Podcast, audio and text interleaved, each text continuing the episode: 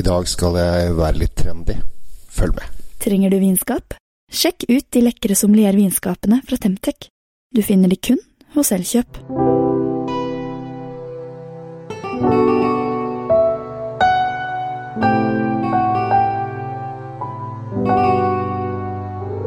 Hei og hjertelig velkommen til eh, Kjell Svidkjeller. Eh, I dag skal jeg være litt eh, trendy og frempå.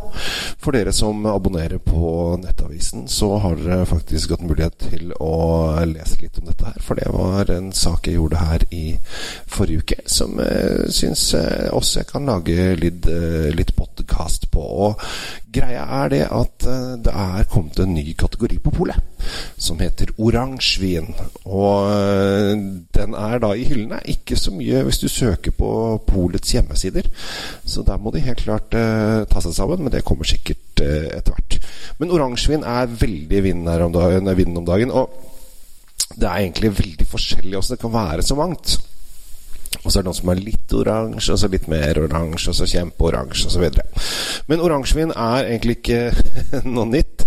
Fordi at eh, noen av de eldste vinene vi vet om som er produsert eh, i Georgia for 5000 år siden, så eh, lagde de på en måte oransjevin. Ikke akkurat sånn som vi vil eh, oppdage den i dag, men eh, det var litt av det samme konseptet. Og eh, oransjevin, kort fortalt, er det at de lager hvitvin på rødvinsmetoden. Eh, når man lager rødvin, så eh, kan man i og for seg lage hvitvin av rødvin. Eh, fordi at man presser da druene, og så lar man druesaften ligge sammen med skallene. Og det er det røde skallet som lager rødvin. Hvis man hadde presset de røde druene og bare dratt ut juicen med en så hadde det blitt hvitvin. Det fins flere utgaver av det på polet. Prøv det hvis du syns det er morsomt, for det er faktisk litt gøy å drikke hvit rødvin. Men eh, når man har hvite druer, eller grønne druer som det egentlig er, eh, og man presser det eh, Så de fleste bare presser det og lar juicen gå ut, og så gjærer det. Men noen lar skallet ligge oppi.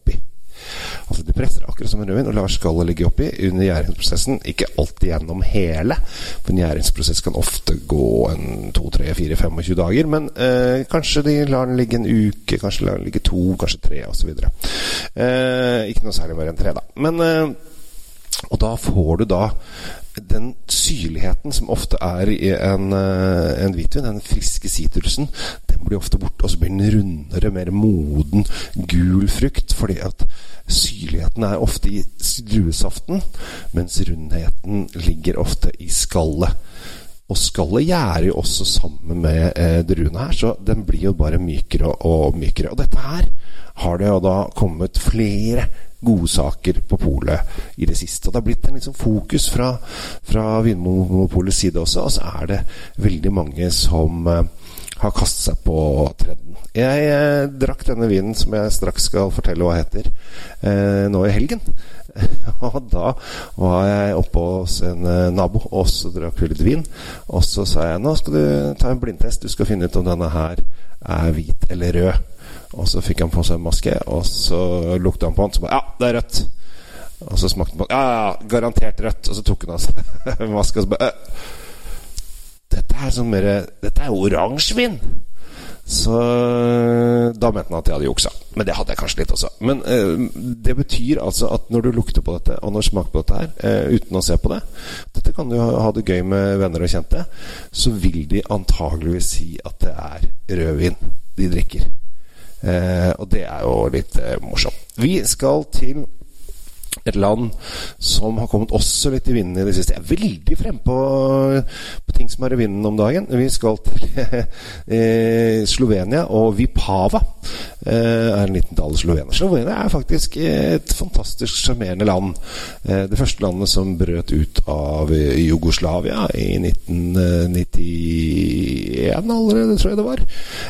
Og det som er fascinerende, og jeg anbefaler hvis du har mulighet, ta en tur til Lubliana. Hovedstaden i Slovenia. En fantastisk sjarmerende by. Og hvis du går opp på borgen i Ljubljana, så kan du visstnok se, ifølge en plakat som sto der da jeg var der en gang, to tredjedeler av hele landet. Det er ikke så veldig stort, og de har ikke så mye mennesker heller. Eh, så dette er et lite land som ligger da eh, rett eh, ved siden av Italia. Der har de fått uh, virkelig øynene opp for uh, oransjevin, og flere og flere lager da oransjevin. Og uh, Vipava 1894, som det heter, den må du faktisk vente hele Ja, nå vet jeg ikke akkurat når du kommer til å høre dette her, da, men den kommer da på polet 1.9. Så dette her er en nyhet som ikke har kommet ennå. Og det som er så kult med denne vinen her, når du får denne her i munnen, så får du litt sånn moden, gul frukt. Litt kryddertoner.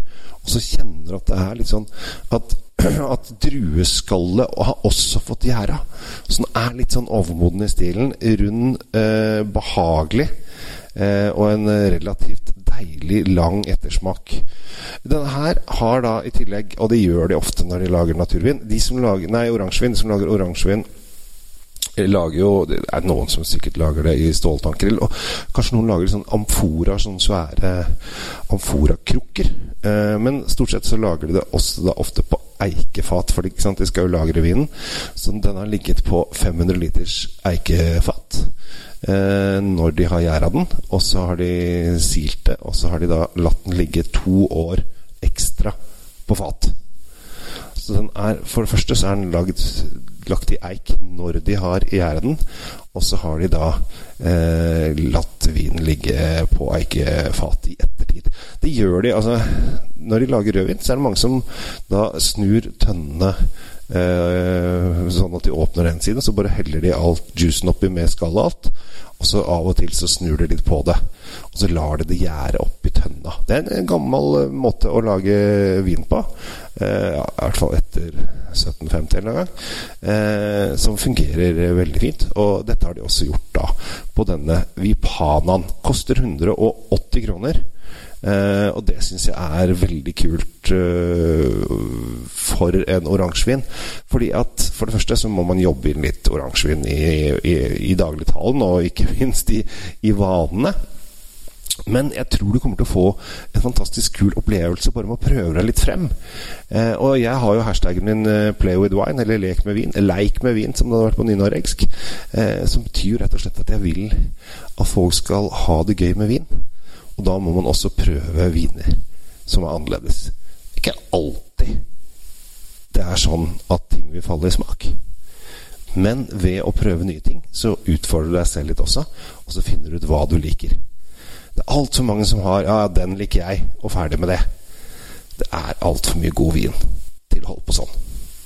Så i dag Vipana Latheri Rebula og dette er på en veldig gammel drue som heter Rebula, eh, som faktisk Pippi den eldre Eh, en romersk hærfører eh, på 200-tallet skrev om. Så det er en gammel, gammel, gammel drue. Jeg skal fortelle litt om den druen. Eh, jeg tror kanskje jeg har fortalt den i en annen podkast, men det er en ganske fascinerende historie. For den holdt på å dø ut. Men nå lages den eh, på eh, hvite druer i Slovenia er litt gøy.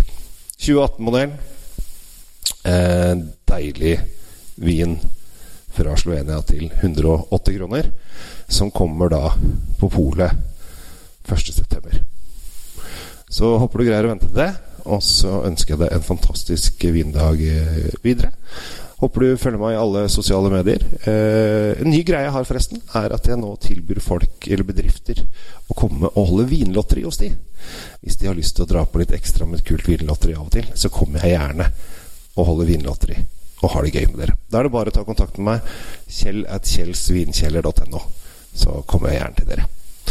Ha en fin eh, dag videre og ta vare på deg sjæl. Så ses vi straks rundt et vinglass Ha det! Server vinen med rett temperatur. Med et sommelier vinskap fra Temtec har du alltid serveringsklar vin tilgjengelig. Vinskapene selges eksklusivt hos Elkjøp.